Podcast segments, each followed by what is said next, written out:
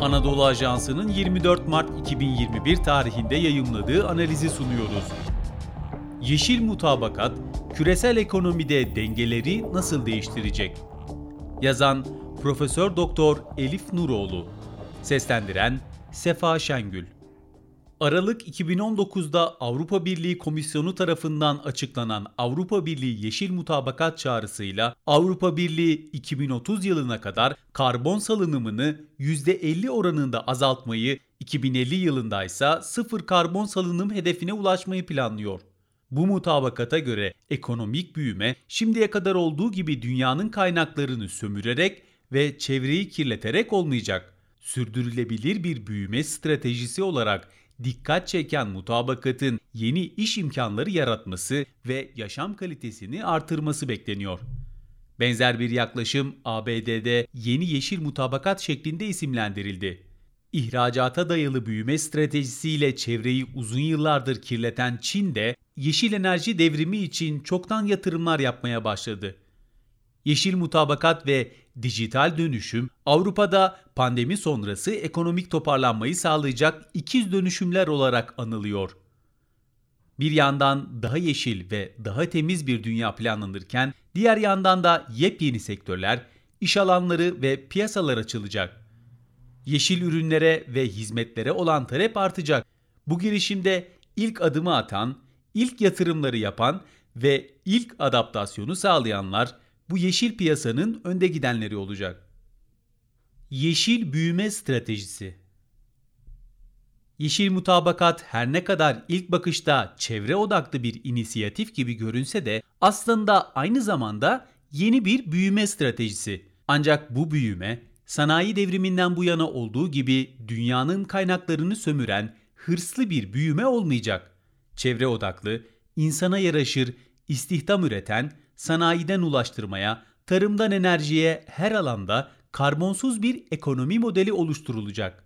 Ayrıca Avrupa Birliği sınırda karbon düzenlemesi yaparak ithalat ve ihracatta da yeşil mutabakat kurallarını partner ülkeler için işletecek. 2030 yılına kadar karbon salınımını %50 azaltmayı hedefleyen Avrupa Birliği bu dönüşümü sağlamak için 1 trilyon avroluk bir bütçe ayırdı. Aynı zamanda Covid-19 salgınının sebep olduğu yıkımı onarmak için kullanılan 750 milyar avroluk kurtarma fonunu da yeşil ve dijital dönüşüm hedeflerine hizmet edecek şekilde kullanarak bir taşta 3 kuş vurmaya çalışıyor. Yeni ekonomileri pandemi etkisinden kurtarmayı yeşil ve dijital dönüşümle birlikte ele alıyor. Sonuç olarak pandemi sonrası tasarlanan yeni dünyada normalleşmenin yeşil ve dijital olması planlanıyor. Hem tehdit hem fırsat. Türkiye'deki firmaların çok yakın gelecekte Avrupa Birliği'ne ihracat yaparken karbon nötralizasyon kriterini karşılamaları gerekecek. Yani görünen o ki Avrupa Birliği ile iş yapan ülkelerin veya şirketlerin yeşil mutabakat konusuna inanmama veya ciddiye almama lüksü yok tüm dünya yeni tip ticaret engelleri diyebileceğimiz rekabet gücünü ve ticareti doğrudan etkileyen yeni nesil kriterlerle karşı karşıya kalmış durumda. Bundan sonra finansmana ihtiyacı olan ülke ve firmaların karşısına yeşil mutabakat kapsamında pek çok engel çıkabilir. Yeşil mutabakata uyum konusundaki değerlendirmenin bağımsız kuruluşlar tarafından yapılacağı öngörülüyor. Bu da ayrıca yeni bir sertifikalandırma masrafı anlamına geliyor. Ancak sertifikalandırma masrafı belki de genel adaptasyon maliyetine baktığımızda çok küçük kalabilir. Çünkü yeşil mutabakat standartlarında üretim yapmak için bazı firmaların A'dan Z'ye uyum sağlaması ve karbon emisyonu yüksek teknolojilerden daha düşük karbon üreten teknolojilere geçiş yapması gerekecektir. Ayrıca Türkiye'nin şimdiye dek Avrupa Birliği ile Gümrük Birliği'ni güncelleyememe sürecinde insan hakları ve demokrasi konusunda önüne konulan engellere şimdi de yeşil mutabakat kriterleri eklenecektir. Türkiye'nin kendisine yeşil mutabakat konusunda bir yol haritası çıkarması sadece Avrupa Birliği ile ticaret yapabilmek için değil, sanayi, ulaşım ve inşaat gibi karbon yoğun üretim yapan sektörlerini sürdürülebilir ve döngüsel bir platforma oturtabilmesi için de faydalı olacaktır. Yeşil mutabakatı nasıl görmek lazım? İlk bakışta bir zorunluluk ve hatta dayatma gibi görünen Avrupa Yeşil Mutabakatı'nı Türkiye'nin kendi kendine yetebilen ve üretim süreçlerini sürdürülebilir bir zemine oturtan bir ülke olma yolunda bir fırsat olarak görmesi faydasına olacaktır. Bu sürecin hem yatırım hem de dönüşüm maliyetleri olacaktır.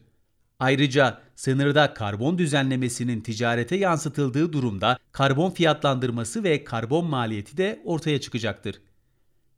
Eskiden ucuz ham madde ve emeğin yarattığı maliyet avantajını ve rekabet gücünü bundan sonra düşük emisyonlu üretim sağlayacaktır. Her ne kadar çevreci bir söylem gibi görünse de aslında yeşil mutabakat dijital dönüşümle birlikte tasarlanan yeni bir büyüme stratejisi. Avrupa Birliği planladığı bu dönüşümü Avrupa için ekonomik ve endüstriyel bir fırsata çevirmek amacıyla hareket etmekte oyunu kuran ve kuralları koyan merci olarak ABD ve Çin tarafından da takip edilmektedir. Enerji sektörü yeşil mutabakatın asıl unsurlarından biri olarak tamamen dönüşmek zorunda kalacak, fosil yakıtlardan yenilenebilir veya karbon nötr yakıtlara geçiş ve bu geçişin hızı ülkelerin yeni dünya düzenindeki konumunu belirleyecektir. Ayrıca küresel ham petrol ithalatının %20'sini gerçekleştiren Avrupa'nın bu ithalatı yapmadığı ve bunun yerine nadir elementlerin net ithalatçısı olduğu bir senaryoda küresel petrol piyasalarında fiyatlar düşecek ve dengeler değişecektir. Büyük resme baktığımızda yeşil mutabakat uygulamaya geçince Avrupa Birliği açısından da büyük sorunlar ortaya çıkacaktır. Tekstil konusunda uzak doğu ülkelerini üretim üssü olarak kullanan Avrupa Birliği, örneğin Bangladeş'teki tedarikçi firma yeşil mutabakat şartlarını sağlamadığı zaman bu konuda nasıl bir tepki verecek, tekstil üretimini tekrar kıta Avrupa'sına geri getirmeyi düşünecek midir? Görünen o ki yakın gelecekte Avrupa Yeşil Mutabakatı ve bunu takip eden diğer yeşil girişimler küresel ekonomide ve enerji sektöründe pek çok taşı yerinden oynatacaktır.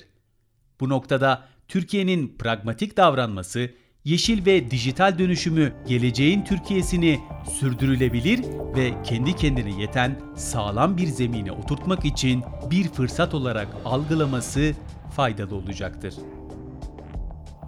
Spotify, SoundCloud, Apple Podcast ve diğer uygulamalar.